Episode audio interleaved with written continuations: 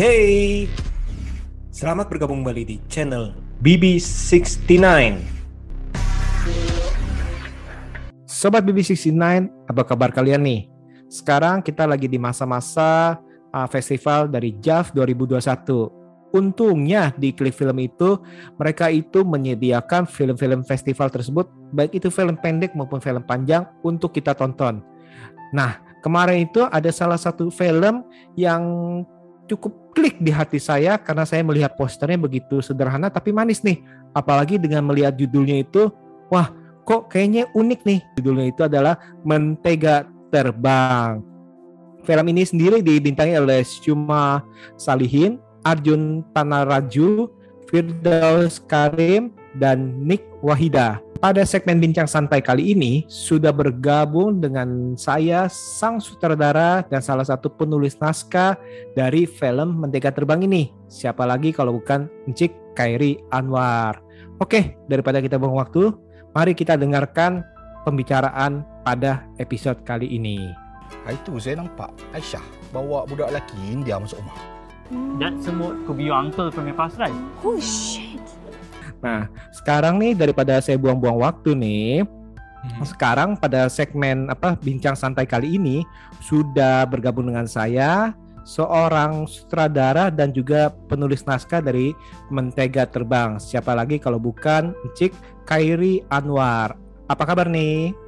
Apa kabar Mas Setiawan? Hai, hai semua yang sedang menonton uh, video ini. Uh, saya Khairi Anwar daripada Kuala Lumpur, Malaysia. Ya, salam perkenalan semua. Wah, senang nih. Saya di Jakarta dan Pak Keri di Kuala Lumpur nih.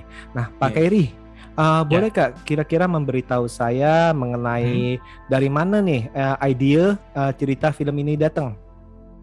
Um, sebenarnya tahun lepas um, kawan-kawan saya bersama dengan saya uh, di masa itu Malaysia baru sahaja uh, melonggarkan SOP untuk pandemik. Uh, jadi ada satu production house di Malaysia namanya Kuman Pictures. Hmm. Uh, dia membuat satu pertandingan feature film di Malaysia. Uh, so saya dan kawan-kawan saya yang tak pernah buat feature film Uh, kami berfikir okeylah jomlah uh, sebab at that moment uh, semua uh, kerja-kerja job-job untuk video shooting untuk film shooting masih belum berjalan sebab orang masih lagi ragu-ragu untuk menjalankan Hmm, hmm. proses shooting uh, so kami buat secara kecil-kecilan uh, untuk buat film shooting Uh, so diberinya dua bulan oleh Kumam Pictures tersebut untuk menghasilkan satu feature film. Uh, jadi kawan-kawan saya dan saya bersetuju dan kami berbincang untuk uh, buat satu filem tapi ideanya datang daripada saya. Uh, saya fikir untuk 2-3 hari dan saya uh, cadangkan dan pitch the idea to my friends. Uh, masa tu nama judulnya belum Mentega Terbang lagi. Masa tu masih working title, masih tak tahu tapi ceritanya dah tahu uh, tentang mempersoalkan uh, keberadaan agama di Malaysia. Uh, bila ideanya diterima baru saya dan kawan-kawan saya yang menulis skrip itu uh, duduk bersama dan memanjangkan daripada idea yang kecil itu menjadi satu cerita. Uh, so idea besarnya datang daripada saya tapi cerita itu yang sepanjang jalan itu ditulis oleh saya sendiri sebagai lead writer. Arjun Tanaraju juga uh, yang pelakon yang mainkan Suresh itu memerlukan satu salah seorang penulis juga. Uh, Vishnu Varman dan juga uh, T. Tim Hui. So kami berempat akhirnya selepas idea itu di, di, di, di diluluskan oleh kawan-kawan sekalian yang nak membuatkan feature film tersebut, uh, kami berempat duduk selama kurang 2-3 minggu untuk menghasilkan sebuah skrip yang berjudul Mentega Terbang. So itulah uh, itu cara dan di mana datangnya idea tapi bila saya ada that idea besar untuk mempersoalkan tentang keberadaan agama di Malaysia sebab at that moment in time saya pun ada uh, persoalan yang sama seperti mana uh, protagonis di dalam Mentega Terbang apa benda yang dipersoalkan. Uh, so soalan-soalannya sama tapi bila uh, difikirkan balik kalau persoalan tu datang daripada seorang yang berumur 29 tahun 30 tahun dia akan jadi uh, agak berat so kami fikir macam mana untuk pastikan walaupun uh, idea penceritaan dan cerita dia agak berat bagaimana untuk kita buatkan the whole firm rasa lebih friendly. So brainstorming datang. So dan kita ada mentiga terbang yang agak boleh dikatakan agak ringan dari pandangan, saya lah. ya, saya tak tahu sama ada Mas Setiawan bersetuju dengan statement itu atau tidak. Iya iya iya saya setuju sih dalam arti ini uh, yang sempat saya ngomong juga uh, film ini sebenarnya itu mempunyai istilahnya premis atau nilai yang cukup berat istilahnya ya. Tapi uh, dikemas menjadi suatu tontonannya ringan tapi bukan ringan yang istilahnya nonton terus habis itu forgettable. Tapi saya after we watch that uh, malah kita uh, diajak uh, untuk uh, berpikir nih, mencerna hmm. dalam arti hmm. mencerna dan melihat dan istilahnya kita uh, mengkilas balik apa yang sudah kita tonton dan kita melihat hmm. apa yang terjadi di masyarakat kita dan istilahnya di sekitar kita atau bahkan di dalam diri kita nih seperti itu. Nah, hmm. ini menarik nih. Uh, ini kan cukup sensitif ya kita ngomongnya dalam arti yeah. uh, the the issue is uh, quite sensitive. Uh, very sensitive di Malaysia. Yes, very sensitive lah. yeah. in the world actually in the world istilahnya uh, bahkan hmm. istilahnya baik itu uh, uh, mengenai agama ataupun hmm.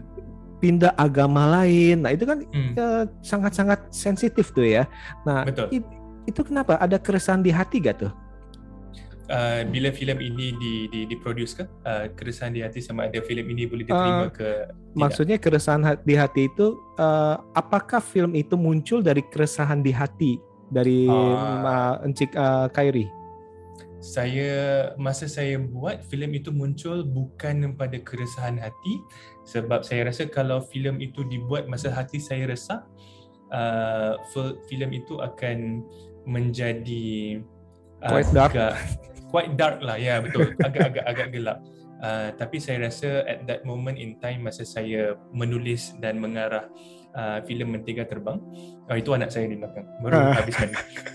uh, bila saya uh, baru saja uh, siap menulis Mentega Terbang, saya rasa saya am at, at peace, at certain point of peace. Uh, saya rasa aman. Uh, dan persoalan itu saya ada mungkin 2, 3 ke 5 tahun lepas.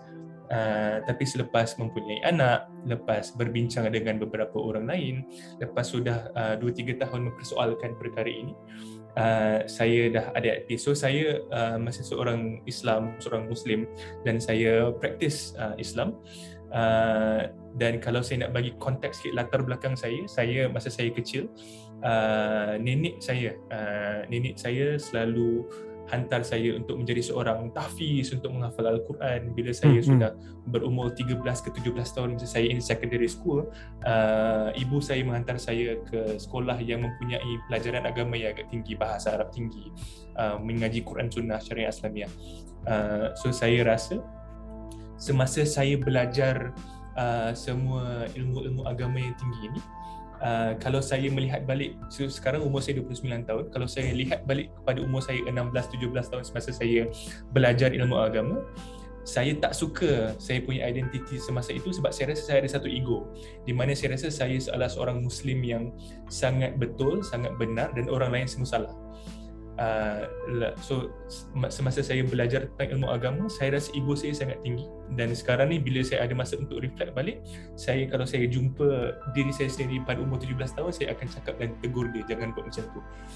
Uh, so sekarang ini selepas 10 ke 15 tahun selepas saya belajar dan saya tengok balik dan reflect balik saya rasa macam oh uh, kebanyakan orang yang beragama ada dua jenis. Satu yang yang memanggil orang untuk ya okey uh, aku ada agama aku tapi aku tak memaksa kau untuk untuk follow. Tapi kalau kau ikut agama ni dan itu adalah jalan yang betul lah. Tapi ada seorang lagi ada satu lagi kumpulan yang agak uh, saya rasa agak ekstrim dan dia akan terus menghukum. Macam eh, kau telah membuat satu kesalahan maka kau akan dihukum masuk neraka. Oh kau tak kau bukan Islam jadi kau akan confirm masuk neraka. Dan saya tak suka pandangan seperti itu uh, jadi konteks itu yang buatkan saya sekarang di mana saya tengah saya masih lagi memegang teguh kepada agama Islam itu sendiri.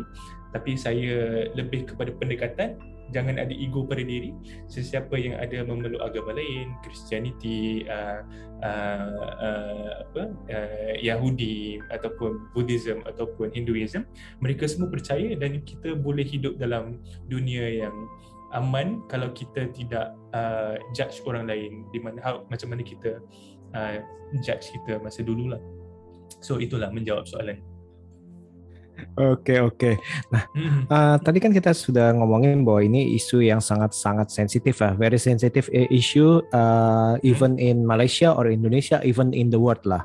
Dalam arti Hmm. uh, apa tidak ada ketakutan dalam arti nanti uh, some people will judge you uh, istilah wah ini mah it's not uh, istilah ini film apa ini dalam arti ini film Hmm. yang nggak benar ngajarin yang nggak benar ini melenceng Hmm. daripada ilmu-ilmu agama yang kita anut ada ketakutan seperti itu tidak dari tim dari tim ada uh, sebab tim saya uh, merangkumi uh, kru-kru kreatif tim daripada pelbagai bangsa. Seperti yang saya cakap tadi even my writer team pun ada dua orang uh, berbangsa India dan seorang Hmm, berbangsa hmm. Cina my Hmm. producer pun dia berbangsa Cina juga. Dan saya rasa kebanyakan kru-kru saya uh, ada dua tiga orang saja yang ber, berbangsa Melayu Uh, so kebanyakan rasa resah dan ketakutan itu dari, datang daripada kru-kru yang bukan berbangsa Melayu sebab mereka macam mempersoalkan uh, sebab filem ini macam mempersoalkan sama ada Islam itu benar atau enggak. Uh, tapi apa yang saya cuba sampaikan kepada kru-kru saya sebelum kita mula untuk shooting the film adalah uh, niat kita bukan untuk mempersoalkan agama tapi niat kita menghasilkan filem ini adalah untuk uh, memberitahu okey kalau kita dilahirkan sebagai seorang Islam jangan memeluk agama Islam itu hanya sebab kita dilahirkan Islam saja. Sebab apa yang saya perhatikan orang yang uh, bukan beragama Islam pada dia lahir dan bila contohnya dia dah umur 25 tahun dan tiba-tiba dia memeluk Islam orang Hmm. itu lebih saya rasa uh, pegangan dan pelukannya itu lebih kuat daripada orang yang lahir-lahir itu terus Islam. Sebab apa? Sebab dia dia bertanya soalan dia dia mempelajari semua asas-asas agama. Dia bertanya kepada orang-orang yang ahli orang-orang yang betul Hmm, hmm. guru-guru yang sepatutnya ditanyakan soalan. Melainkan orang uh, tapi bila dibandingkan dengan orang yang sudah lahirnya Islam uh, dia take that thing for granted. Dia rasa oh dia Islam dia sudah tak perlu belajar lagi. Melainkan apa yang sudah di- dididik daripada kecil Uh, so dengan niat membuat filem ini saya saya ingin menyeru kepada tak adalah itu menyeru macam agak berat ya bunyinya. Tapi saya ingin uh, uh, mengajak uh, audience-audience untuk okey uh, untuk kita bukan sahaja mempunyai rasa ingin tahu tentang agama kita yang kita peluk sendiri. Tapi juga belajar oh kenapa orang ini uh, believe that Christianity is right? Oh kenapa kita ada this group of apa people yang believe that Hinduism is right?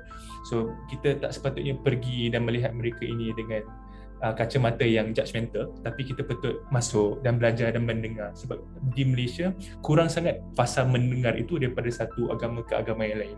Dia terus kepada fasa macam uh, bila ada satu agama ini oh itu dipolitikalkan dipolitisiskan dan Hmm. ini akan akan menyebabkan orang-orang yang beragama Islam untuk hanya mengundi orang-orang yang so itu di dipolitis di, dipolitiskan yang saya tak suka Uh, dan sesiapa saja ahli politis yang bukan Islam mereka oh ni bukan Hmm. Islam ini tak patut kita undi dia ni uh, itu cara cara orang-orang mempolitikkan agama yang saya tak suka uh, so yeah so saya ada perasaan takut tu tapi saya rasa perlu untuk saya utarakan. Sebab sudah lama sangat di Malaysia ni di mana kerajaan sendiri uh, kerajaan Malaysia uh, pemerintah uh, menghalang daripada filmmaker untuk buat konten-konten sebegini. Dan bila kami bila grup dan kru saya buat film ini kami buat ni secara independen dan kita tidak pergi kepada mana-mana badan otoriti pemerintah. Jadi kita tidak ditapis jadi sebab itu sekarang ni filem ini di Jogja uh, dan di, di di Indonesia. Uh, sebab kalau filem ini melalui pemerintah dan ditapis saya rasa filem ini tak, tidak akan sampai ke Jogja. Tak, tidak akan sampai ke Indonesia sebab benda itu akan di difilter oleh pemerintah. Uh, yes. Uh, jadi di di Kuala Lumpur sendiri sudah pernah diputar belum? Terbatas? Atau saya uh, gimana? Uh, terbatas. So uh, kalau kami membuat uh, screening di Hmm, Malaysia ataupun di Kuala Lumpur, kami akan namakan screening tersebut sebagai private screening. Hmm, hmm. Uh, dan kami akan mengawal gerak masuk audience lah. So audience yang uh, membeli tiket terus daripada pihak produksi kami je yang boleh masuk dan uh, dan private screening itu hanya di satu tempat di satu masa saja dia dia tak ada online screening uh, jadi at the moment saya rasa tidak ada mana-mana badan pemerintah atau badan-badan kerajaan yang masuk untuk menonton. Jadi at the moment tak ada orang lagi yang membuat report polis ataupun membuat report kepada badan agama untuk hmm. menghalang filem ini daripada terus discreenkan lah. Uh, tapi kami uh, pihak produksi sentiasa berhati-hati uh, dan sentiasa bersedia sebab kami sudah sediakan peguam, sudah sediakan badan-badan hmm. uh, uh, yang memperjuangkan human rights di Malaysia. So bila ada je orang yang membuat report polis ataupun report kepada badan agama, kami sudah ada beberapa orang di yang yang bersedia untuk okay, this is why we can do this thing in Malaysia or some sort lah. We are expecting for this film to be somewhat uh, ban or apa dapat sebuah tentangan di Malaysia tapi at the moment hmm. belum lagi. Yeah. wow, serem-serem sedap nih Isa. nah, uh, cukup menarik sih dalam arti kan, uh, oke, okay, pas waktu private screening tuh bagaimana respon mereka? Dalam arti apakah ada yang sudah mulai menentang atau istilahnya di istilahnya di media sosial, istilahnya sosial hmm. media, ada yang sudah menentang-menentang atau gimana? Uh, at the moment sebab kami hanya boleh buat private screening hmm. uh, apa yang kami boleh buat adalah uh, the social media marketing hanya akan pergi kepada kawan-kawan uh, hmm. yang mempunyai ideologi yang sama hmm. so uh, so semua orang yang datang menonton private screening Mentiga Terbang saya rasa 90% daripada audience yang menonton di Malaysia mempunyai ideologi yang sama dengan kami uh, yang membuat filem juga. So at the moment tak ada lagi penentangan itu.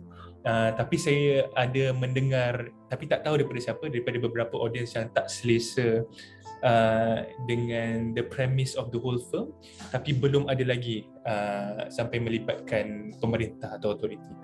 Uh, mereka hanya akan datang kepada saya cakap yang mereka tak bersetuju dengan hmm. beberapa hmm. benda ataupun dengan tema filem tersebut tapi alhamdulillah uh, belum ada lagi tentangan yang secara besar-besaran lah uh, dan kami mengharapkan bahawa filem ini dapat uh, mendapat perhatian daripada luar negara dulu and then baru masuk Malaysia sebab cara Malaysia dan cara audience Malaysia ingin menonton filem tersebut agak agak janggal lah, agak pelik. Sebab bila mereka mendengar bahawa filem ini sudah mendapat uh, tontonan yang bagus di Indonesia ataupun di Philippines, di Singapura baru macam oh, hmm. oh apa filem ini sudah pergi ke international level kenapa tak ada di Malaysia? So itulah cadangan dan rancangan ini.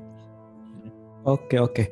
Nah kalau boleh tahu uh, pertentangan apa yang yang sudah ada nih dalam arti uh, mereka ngasih masukan apa kok penggambaran ininya, penggambaran itunya apa nih yang mereka permasalahkan? Uh, mereka permasalahkan bahawa uh, sebagai Aisyah uh, hmm. protagonis dalam Mentega Terbang hmm. uh, dan juga uh, mama dan abah Aisyah hmm. tidak sepatutnya uh, mempersoalkan langsung tentang conversion from Islam into another hmm. religion. Ah, hmm. ber, perbincangan tentang agama lain itu hmm. mungkin boleh tapi the the when they have the conversation untuk uh, conversion terutamanya yes. hmm. the hmm. conversation hmm. paling akhir di antara Abah dan Aisyah hmm. mereka rasa amat tidak selesa uh, dengan conversation tersebut dan juga bila uh, Aisyah bersama mama di taman di mana ada satu scene uh, that dream sequence betul mereka yang terakhir. tak tak, hmm. tak uh, mereka tidak rasa selesa dengan perbualan di antara Aisyah dan Mama sebab Aisyah macam memaksa Mama untuk uh, convert into another religion. So hmm, bila hmm. mereka menonton that part of the film mereka agak macam terkebelakang macam alamak uh, janganlah benda ini dapat dilepaskan dan ditonton oleh lebih ramai orang. Uh, hmm, tapi at the hmm. moment mereka hanya akan datang uh, either kepada saya ataupun kepada kawan-kawan uh, hmm, filmmaker hmm. saya untuk cakap macam oh kalau boleh janganlah dipertontonkan benda ini kepada lebih ramai orang. Tapi mereka saya rasa tak pergi ke badan badan pemerintah. Uh, not hmm. yet lah at least. jangan jangan jangan jangan not yet don't oke okay. nah itu memang itu uh, ada juga yang memang sempat ngomong ke saya ya salah satu permasalahannya ya tadi itu yang seperti uh, Encik uh, Kairi bilang itu uh, permasalahan sequence about conversion to another religion. Because it, it is very very sensitive uh, to talk about uh, apalagi uh, seorang orang tua istilahnya bisa uh, their uh, her parents can say to her that okay if you want to try another religion it's uh, it's okay. It's your your way uh, and mm. this is my way and maybe your way is the the other path way uh, of uh, of you and me. Biasanya berbeda gitu istilahnya. Mm. dan tapi uh, ya mungkin itu sih. Menurut saya sih memang ada beberapa yang akan menjadi istilahnya menjadi kok hmm. begini sih? Oh sebaiknya kok jangan hmm. deh mungkin seperti itu sih ya. Ada hmm. ada ada beberapa yang sempat ngomong ke saya juga sih seperti itu sih. Uh, uh, nah. Hmm. Mas, Mas Setiawan eh, kalau kalau izinkan saya bertanya Mas Setiawan uh, Islam kan? Bukan. Bukan. Mas Setiawan bukan. Uh, agama apa? Uh, saya Kristen Kristen so Mas Setiawan sebagai orang yang beragama Kristen bila menonton filem ini rasa sensitif nggak Uh, kalau saya sih tidak ya, saya tidak sensitif, tapi saya bisa dalam arti bisa merasakan dalam arti, uh, oke, okay, kita kita ngomongin dari awal, dalam arti uh, penggambaran daripada tokoh-tokoh di sini, dalam arti terutama hmm. Uncle the Neighbor itu memang hmm. penggambaran hal yang lazim dalam arti stigma-stigma di mana, eh jangan uh, bergaul sama tante, misalnya uh, hmm. tante, istilahnya uh, tante itu karena nanti kalau kamu diomongin kamu akan dijadikan seorang Kristen. Nah, itu kan seperti itu. Hati-hati jangan jangan bergaul sama uh, maaf kata orang India itu anak India itu kan seperti itu kan. Nanti hmm. gini gini gini gini.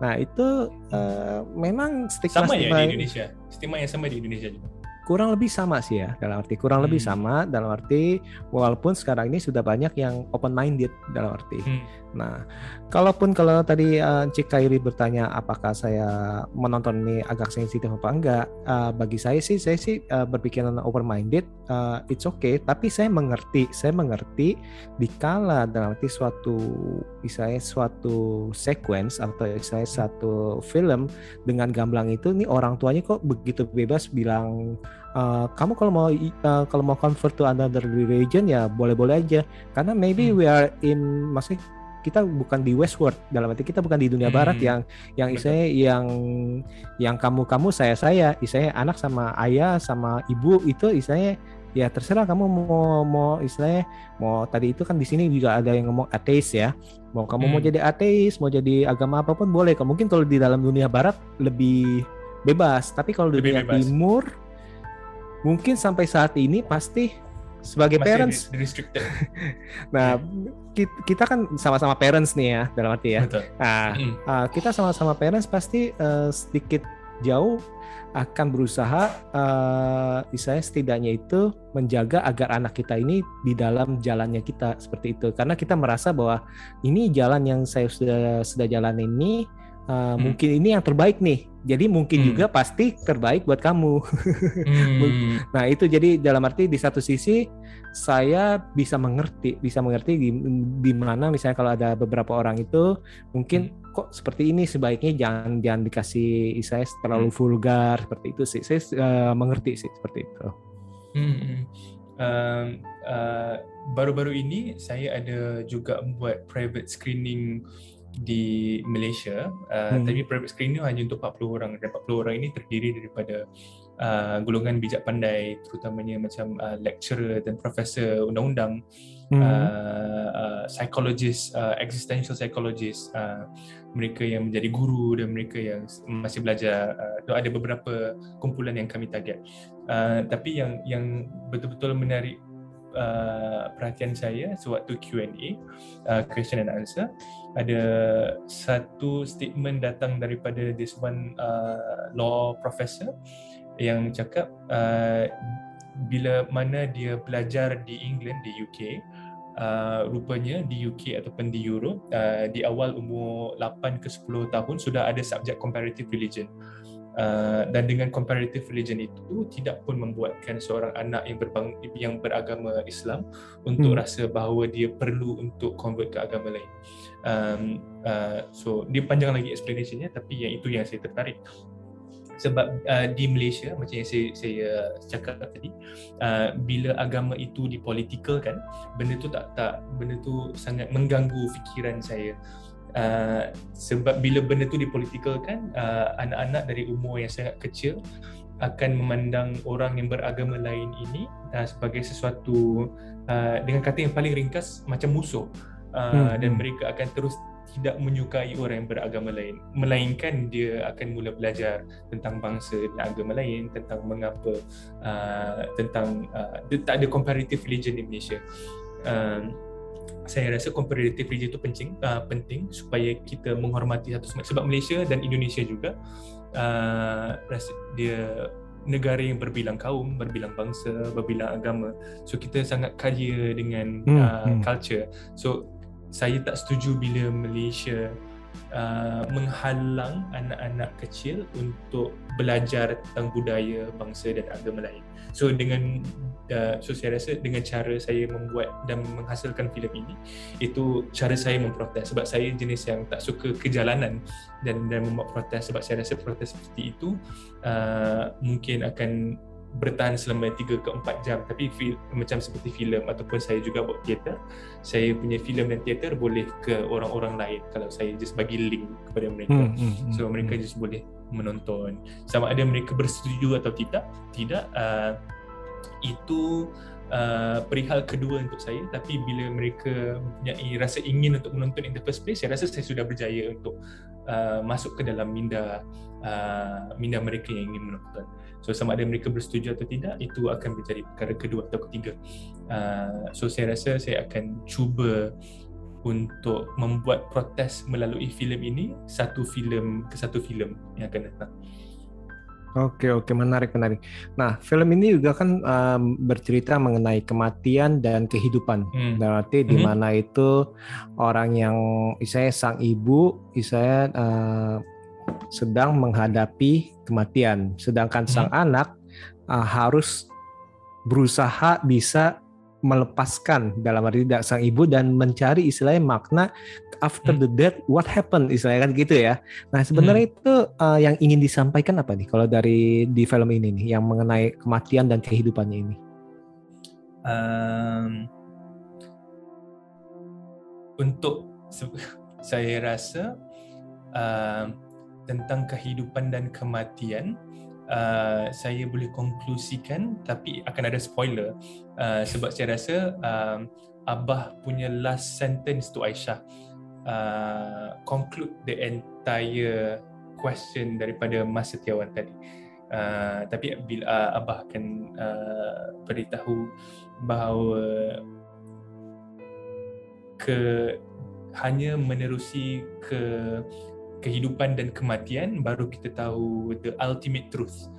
Hmm. Uh, sebab kita walaupun saya seorang muslim dan saya percaya kepada ke, ke keberadaan Islam itu tapi itu hanya kepercayaan itu hanya faith sebab tu namanya faith beliefs hmm. uh, kita tak ada seorang pun yang hmm. boleh betul-betul bagi tahu yakin. saya hmm. apa apa yang betul kita boleh betul-betul yakin dengan kepercayaan kita tapi hmm dan kebenaran itu mungkin mungkin semua agama ni betul mungkin mungkin uh, agama itu sendiri macam apa yang saya selalu bincangkan dengan kawan-kawan saya sendiri uh, salah satu saya punya teori mungkin agama itu sendiri satu ujian untuk menunjukkan okay, kalau kau beragama lain dengan uh, jiran j, j, jiran adakah kamu akan bergaduh atau kamu akan berdamai mungkin agama hmm. itu sendiri satu ujian uh, Uh, so yeah, so apa yang saya nak cuba sampaikan menerusi uh, kehidupan dan dan dan kematian adalah uh, kebenaran itu takkan kita dapat semasa kita hidup tanpalah hmm. kita uh, melalui satu fasa yang bernama kematian. Betul dan di waktu di percakapan itu yang dikata si Abah berkata bahwa ya mungkin aja ibu ini ya udah menemukan apa nih yang istilah after death itu ya sebenarnya yang kita tanya-tanya kan kita kan belum pernah ke sana istilah nggak ada yang sudah mati kita di antara kita jadi ya hmm. uh, bagaimana akhirat itu istilahnya ya hanya mereka yang hmm. sudah maaf kata yang sudah meninggal yang bar- yang baru bisa mengetahuinya. Kalau kita kan baru menerka-nerka ataupun sesuai uh, our belief istilahnya seperti itu, sesuai Hmm. kepercayaan masing-masing dan iman masing-masing seperti itu. Oke, ini menarik menarik nih. Nah, tadi kita uh, mau ngomongin soal uh, judul. Nah, Kenapa nih judulnya uh, Mentega Terbang? I thought is it about the butter that can fly? Oh, Butterman. eh, uh, uh, mentega terbang uh, semasa saya Arjun Vishnu dan Teng Hui menulis. Uh, sebab saya uh, sejenis uh, penulis yang tidak boleh mula menulis kalau saya tak ada judul ataupun at least a working title. Sebab uh, saya rasa dengan adanya judul ataupun title uh, saya ada macam satu goal satu arah untuk saya pergi. Dia tak dia tak dia tak bersepah lah. uh, dan saya dia orang okay Uh, sebab at that moment in time masa uh, kami baru mahu mula menulis. Saya ada dua scene je dalam dalam gambaran saya. Scene yang paling awal di mana mereka melaksanakan solat bersama-sama dan juga scene yang paling akhir di mana uh, that mentega terbang muncul Hmm, di, di akhirnya lah. Saya hanya ada dua scene. And dan saya beritahu mereka okay lah kita uh, namakan perkara ini sebagai mentega terbang sebab masa tu it was just supposed to be a pun uh, dan uh, a jenaka di antara penulis-penulis skrip inilah uh, selepas skrip itu siap saya cadangkan satu lagi nama lain dan Hmm. hmm. semua orang dalam kru-kru saya termasuk penulis macam saya rasa apa judul yang baru di, di, di, diberikan itu tak sesuai. Saya rasa mentega terbang lagi sesuai. And then we keep mentega terbang up until now. Ya, yeah, dan kami fikir uh, bahawa mentega terbang itu merupakan gambaran terbaik sebab Aisyah is very naive. Uh, and then having mentega terbang as a title show the naivety of Aisyah. Dia macam oh saja sebab makan seorang budak-budak. Sebab judul bahasa Inggerisnya Flutterby. Uh, sepatutnya butterfly tapi kami letak flutterby. Dia macam very keanak-anakan, very hmm. very childish lah in nature the title. Uh, so yeah. Hmm, mentega terbang dan akhirnya itu bisa kita tahu kalau saya pribadi tahu itu mentega terbang artinya apa? Ya setelah scene terakhir ah ya ampun baru baru baru nyampe nih otak oh oke Yeah. oke oke oke baru ngerti seperti itu menarik menarik menarik menarik nih Hmm. Nah, oke, kita sekarang masuk mengenai uh, karakter atau istilahnya casting. Kan ini kan di Hmm. bin- uh, bintang dari uh, yang memerankan Asia itu kan merupakan apa uh, bintang baru ya, benar ya? Bintang si baru, Sium ya. Siuma Salihin Ya. itu um, apa? Uh, gimana tuh? Kok bisa menjadikan dia ini sebagai peran utama? Apakah melalui casting atau gimana? Oh. karena perannya ini cukup cukup oke cukup baik sangat baik menurut saya sih membawakan seorang gadis usia 15 tahun yang di mana itu si Aisyah itu istilahnya dalam kebimbangan di satu sisi dia harus uh, emosi untuk kehilangan dari orang tuanya berusaha mencari tahu nih kepastian nih ke mana ibu saya akan pergi nih after this seperti itu Hmm. Uh, Shuma uh, dalam filem tersebut Aisyah itu umurnya 15 dan Betul. kami shoot uh, filem ini tahun lepas tahun 2020. Uh, Shuma tahun 2020 juga 15 tahun. oke Uh, so uh, umurnya sama dengan the character lah so tak jauh. Uh, Shuma sudah mula um, sebenarnya sebelum saya buat filem saya lebih kepada pentas teater dan saya sudah Hmm. mula mengarah menulis dan mengarah teater sejak uh, tahun 2014-2015. Shuma sudah berlakon bersama saya di pentas teater sejak umur beliau 9 tahun di Oh, umur eh, di, di tahun 2015. Yes. Dan sebelum Okey, okey. kami shoot Mentega Terbang di tahun 2019, akhir tahun ujung tahun itu, uh, Shuma bersama dengan Arjun uh, ada berlakon bersama-sama uh, dalam satu pementasan teater di Kuala Lumpur. Uh, saya dah, saya sudah kenal Shuma dan keluarganya uh, for quite some time lah. So saya Shuma sudah tahu uh, style saya menulis dan dan mengarah dan saya juga sudah amat uh, rasa selesa dengan cara Shuma berlakon dan semasa uh, hmm, kami menulis, kami sudah nampak gambaran Shuma uh, semasa menulis. Uh, dan kami terus uh, approach Shuma dan dan dan uh, her mother lah because uh, the the the firm is very sensitive. So Hmm, the hmm. first person that uh, kami approach was the mother first. Hmm. sebab the mother akan ada lagi banyak kerisauan itu kan. Hmm, uh, so hmm. kami explain the whole cerita dekat the mother. Uh, namanya Kak Zahira kami uh, saya panggil uh, ibunya Shuma Kak Zahira. Uh, they explain the whole thing and Kak Zahira cakap ah okay.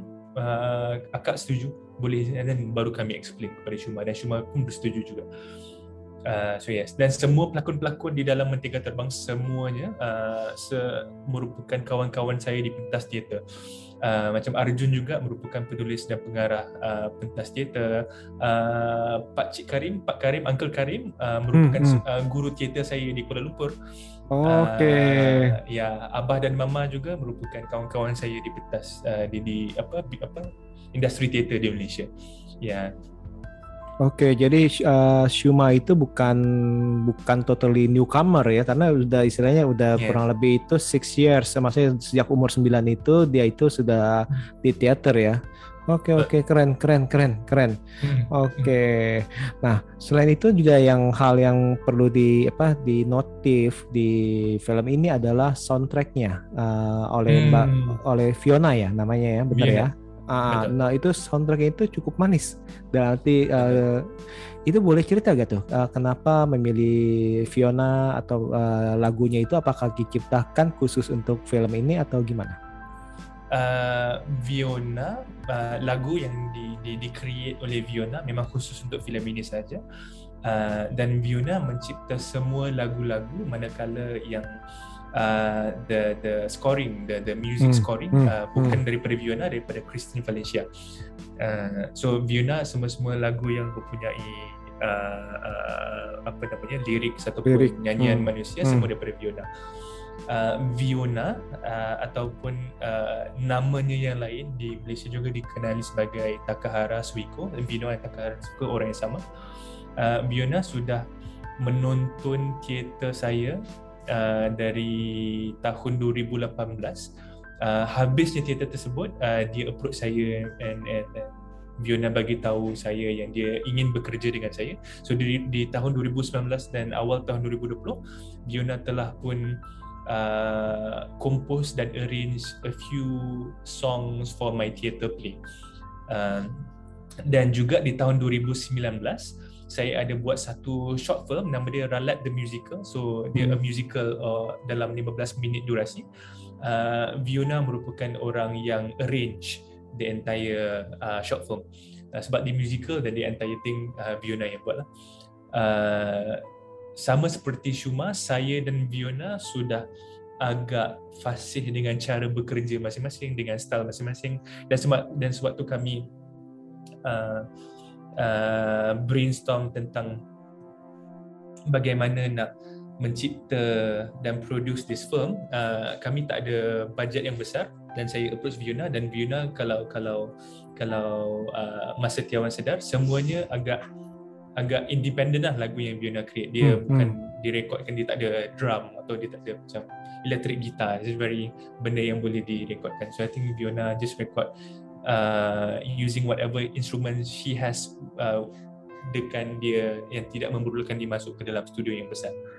Uh, so yeah. So kalau kalau Mas Setiawan rajin Mas Setiawan boleh uh, boleh search Viona ataupun Takahara Suiko uh, lagu-lagunya lebih kurang sama dengan uh, feel yang saya nak bawa dalam Mentega Terbang. So saya rasa uh, gandingan saya dan Viona amat sesuai dan saya rasa dalam filem-filem saya yang akan datang pun Viona akan jadi saya punya first choice lah in terms of uh, music composer dan arranger.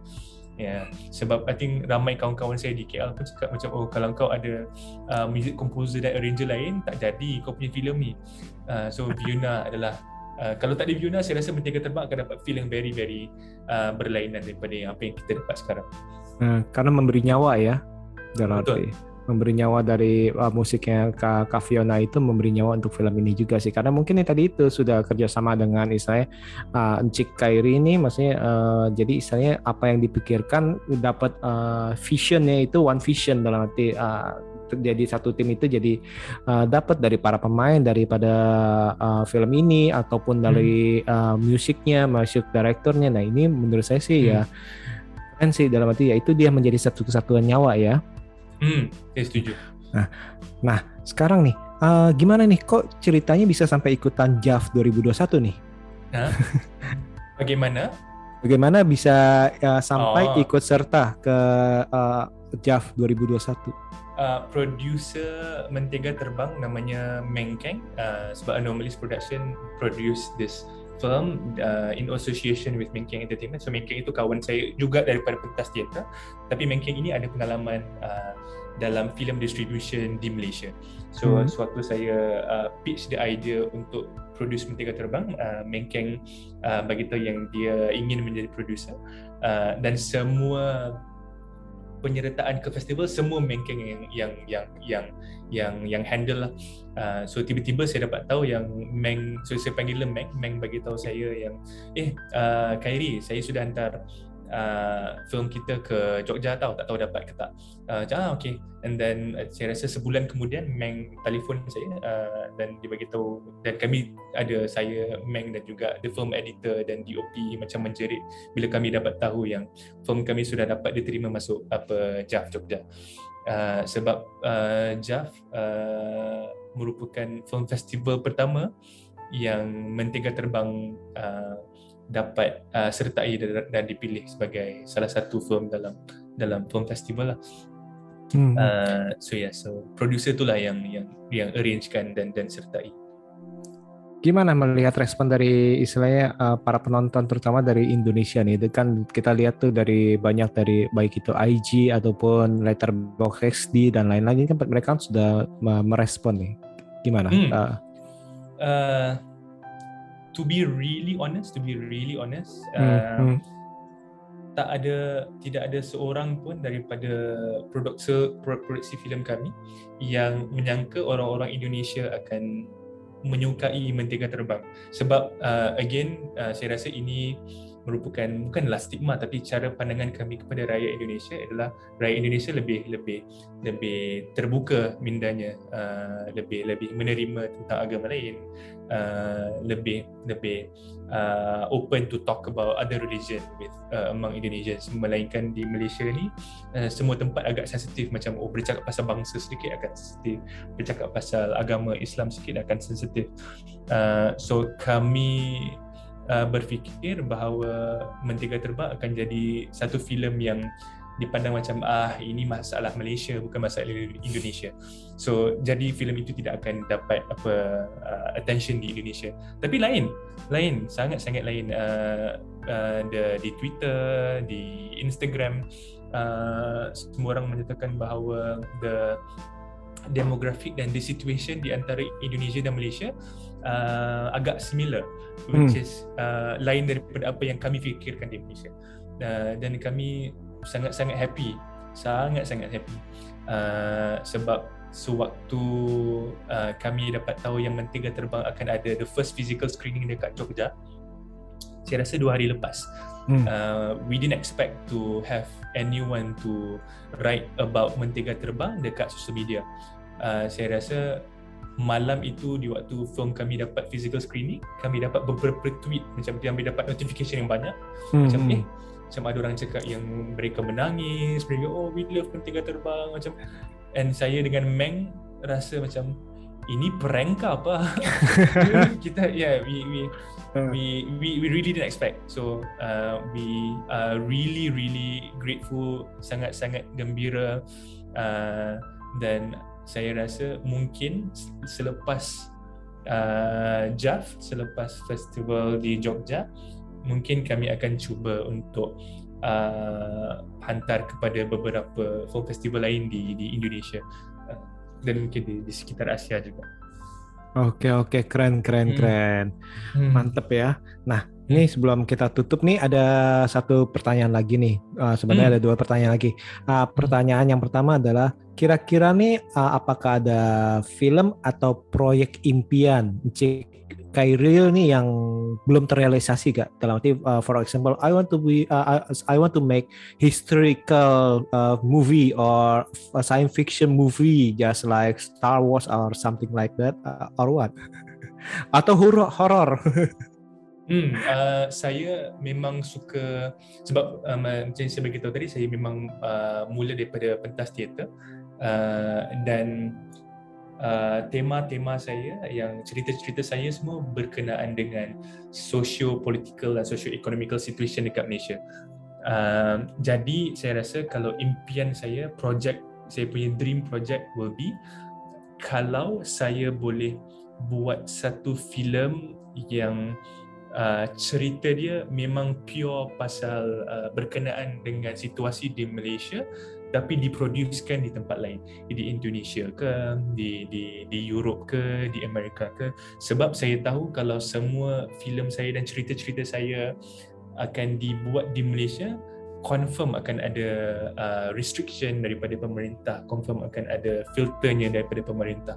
Uh, sebab saya jenis yang uh, macam cerita ni saya, saya suka memprotes melalui filem dan pemerintah di Malaysia at the moment tak suka orang-orang yang memprotes uh, so yeah so saya mengharapkan supaya filem saya dapat dibuat dan diproduce di negara lain supaya filem itu tidak dapat difilter uh, dan kembali ke Malaysia. Hmm. Oke oke menarik menarik nih. Oke. Hmm. Nah sekarang nih sebelum kita tutup nih, kira-kira apakah ada pesan untuk uh, sobat BB69 untuk menonton film Merdeka Terbang ini di Klik Film? Ya, nasihat ya, advice ya. Hmm. Uh, saya saya mencadangkan saya suggest kepada semua uh, sahabat-sahabat saya yang sedang menonton uh, BB69 uh, tontonlah Mentega Terbang di Click Film uh, sebab saya rasa selepas perbincangan saya dengan Mas Setiawan uh, now saya pun sudah terbuka matanya terbuka mindanya terbuka hatinya untuk mengetahui bahawa situasi kita di Malaysia dan juga di Indonesia lebih kurang sama dan saya rasa kalau sebab niat saya pada mulanya hanyalah untuk membuat filem ini uh, untuk rakyat di Malaysia, uh, audiens di Malaysia untuk tonton. Sebab saya ingat situasi ini hanyalah berlaku di Malaysia. Tapi saya terbuktinya salah. Uh, so saya seru juga uh, mengajak juga mereka-mereka penonton-penonton di Indonesia uh, uh, watch Mentega Terbang sebab saya rasa mungkin anda juga akan terasa seperti ini adalah cerita personal untuk anda semua. Oke oke oke. Gimana nih? Suruh bukan pembicaraan mengenai sebuah film yang berjudul Mentega Terbang. Jadi bukan The Butter Cat That Can Fly ya, bukan. Nah nanti jawabannya kenapa Mentega Terbang nanti tonton aja di akhir film itu ada tuh Hmm. clue-nya ya. Nah film ini sedang tayang di uh, JAV 2021 yang dapat ditonton di Klik Film. Ayo para sobat yang belum nonton langsung aja segera nonton. Ini sebuah film yang tadi sempat saya ngomong itu. Ini film ini sebenarnya itu kalau kita nonton itu rasanya sepertinya ringan istilahnya karena uh, tidak terlalu serius uh, tapi santai istilahnya. Celutukan-celutukannya pun cukup santai dan mengundang tawa bahkan istilahnya Oh iya ya, ini kayaknya gue pernah ngalamin nih. Saya pernah ngalamin kayak gini nih di diocehin sama tetangga istilahnya. ya. Uh, our neighbor just like that istilahnya. Hmm. Namun walaupun ringan, walaupun santai, ternyata maknanya itu cukup dalam dan jujur nih akan membuat kita berpikir nih. Setelah kita nonton kita berpikir uh, uh, mungkin kita tertawa tapi kita akan mere- merefleksikan diri uh, dan lingkungan kita ini oh iya ya kok kayak gini ya? Atau mungkin kita bilang oh iya kok saya sendiri kok seperti itu ya? Oh mungkin saya salah mungkin gini gini gini. Dan itu sih seperti itu. Dan berikutnya juga film ini cukup hangat karena film ini merupakan uh, film tentang keluarga film tentang perpisahan film tentang merelakan. Karena istilahnya kalau dalam kehidupan itu ada saatnya untuk uh, berjumpa ada saatnya untuk menggenggam tapi ada Hmm. juga saatnya kita harus berpisah dan dengan rela itu melepaskan apa yang sudah terjadi. Nah, ini film yang hangat nih dalam arti. Jadi ya menurut saya itu harus ditonton dan wajib ditonton nih. Oke, okay. Cik Kairi ini uh, thank you very much for your time. Uh, ini jauh-jauh dari Kuala Lumpur nih dari KL ya. ya thank you Mas Setiawan sebab, uh, sebab sudi menjemput saya untuk bercakap dengan Mas Setiawan. Sangat sangat sangat uh, saya sangat terima kasih dan semoga nih uh, di lain waktu uh, bila ada uh, Cik Kairi punya apa uh, film-film lain atau proyek-proyek lain mungkin nanti suatu saat bisa saya undang lagi untuk bincang-bincang lagi. Boleh, sekali boleh, lagi bisa. sekali lagi thank you very much dan terima kasih dan see you.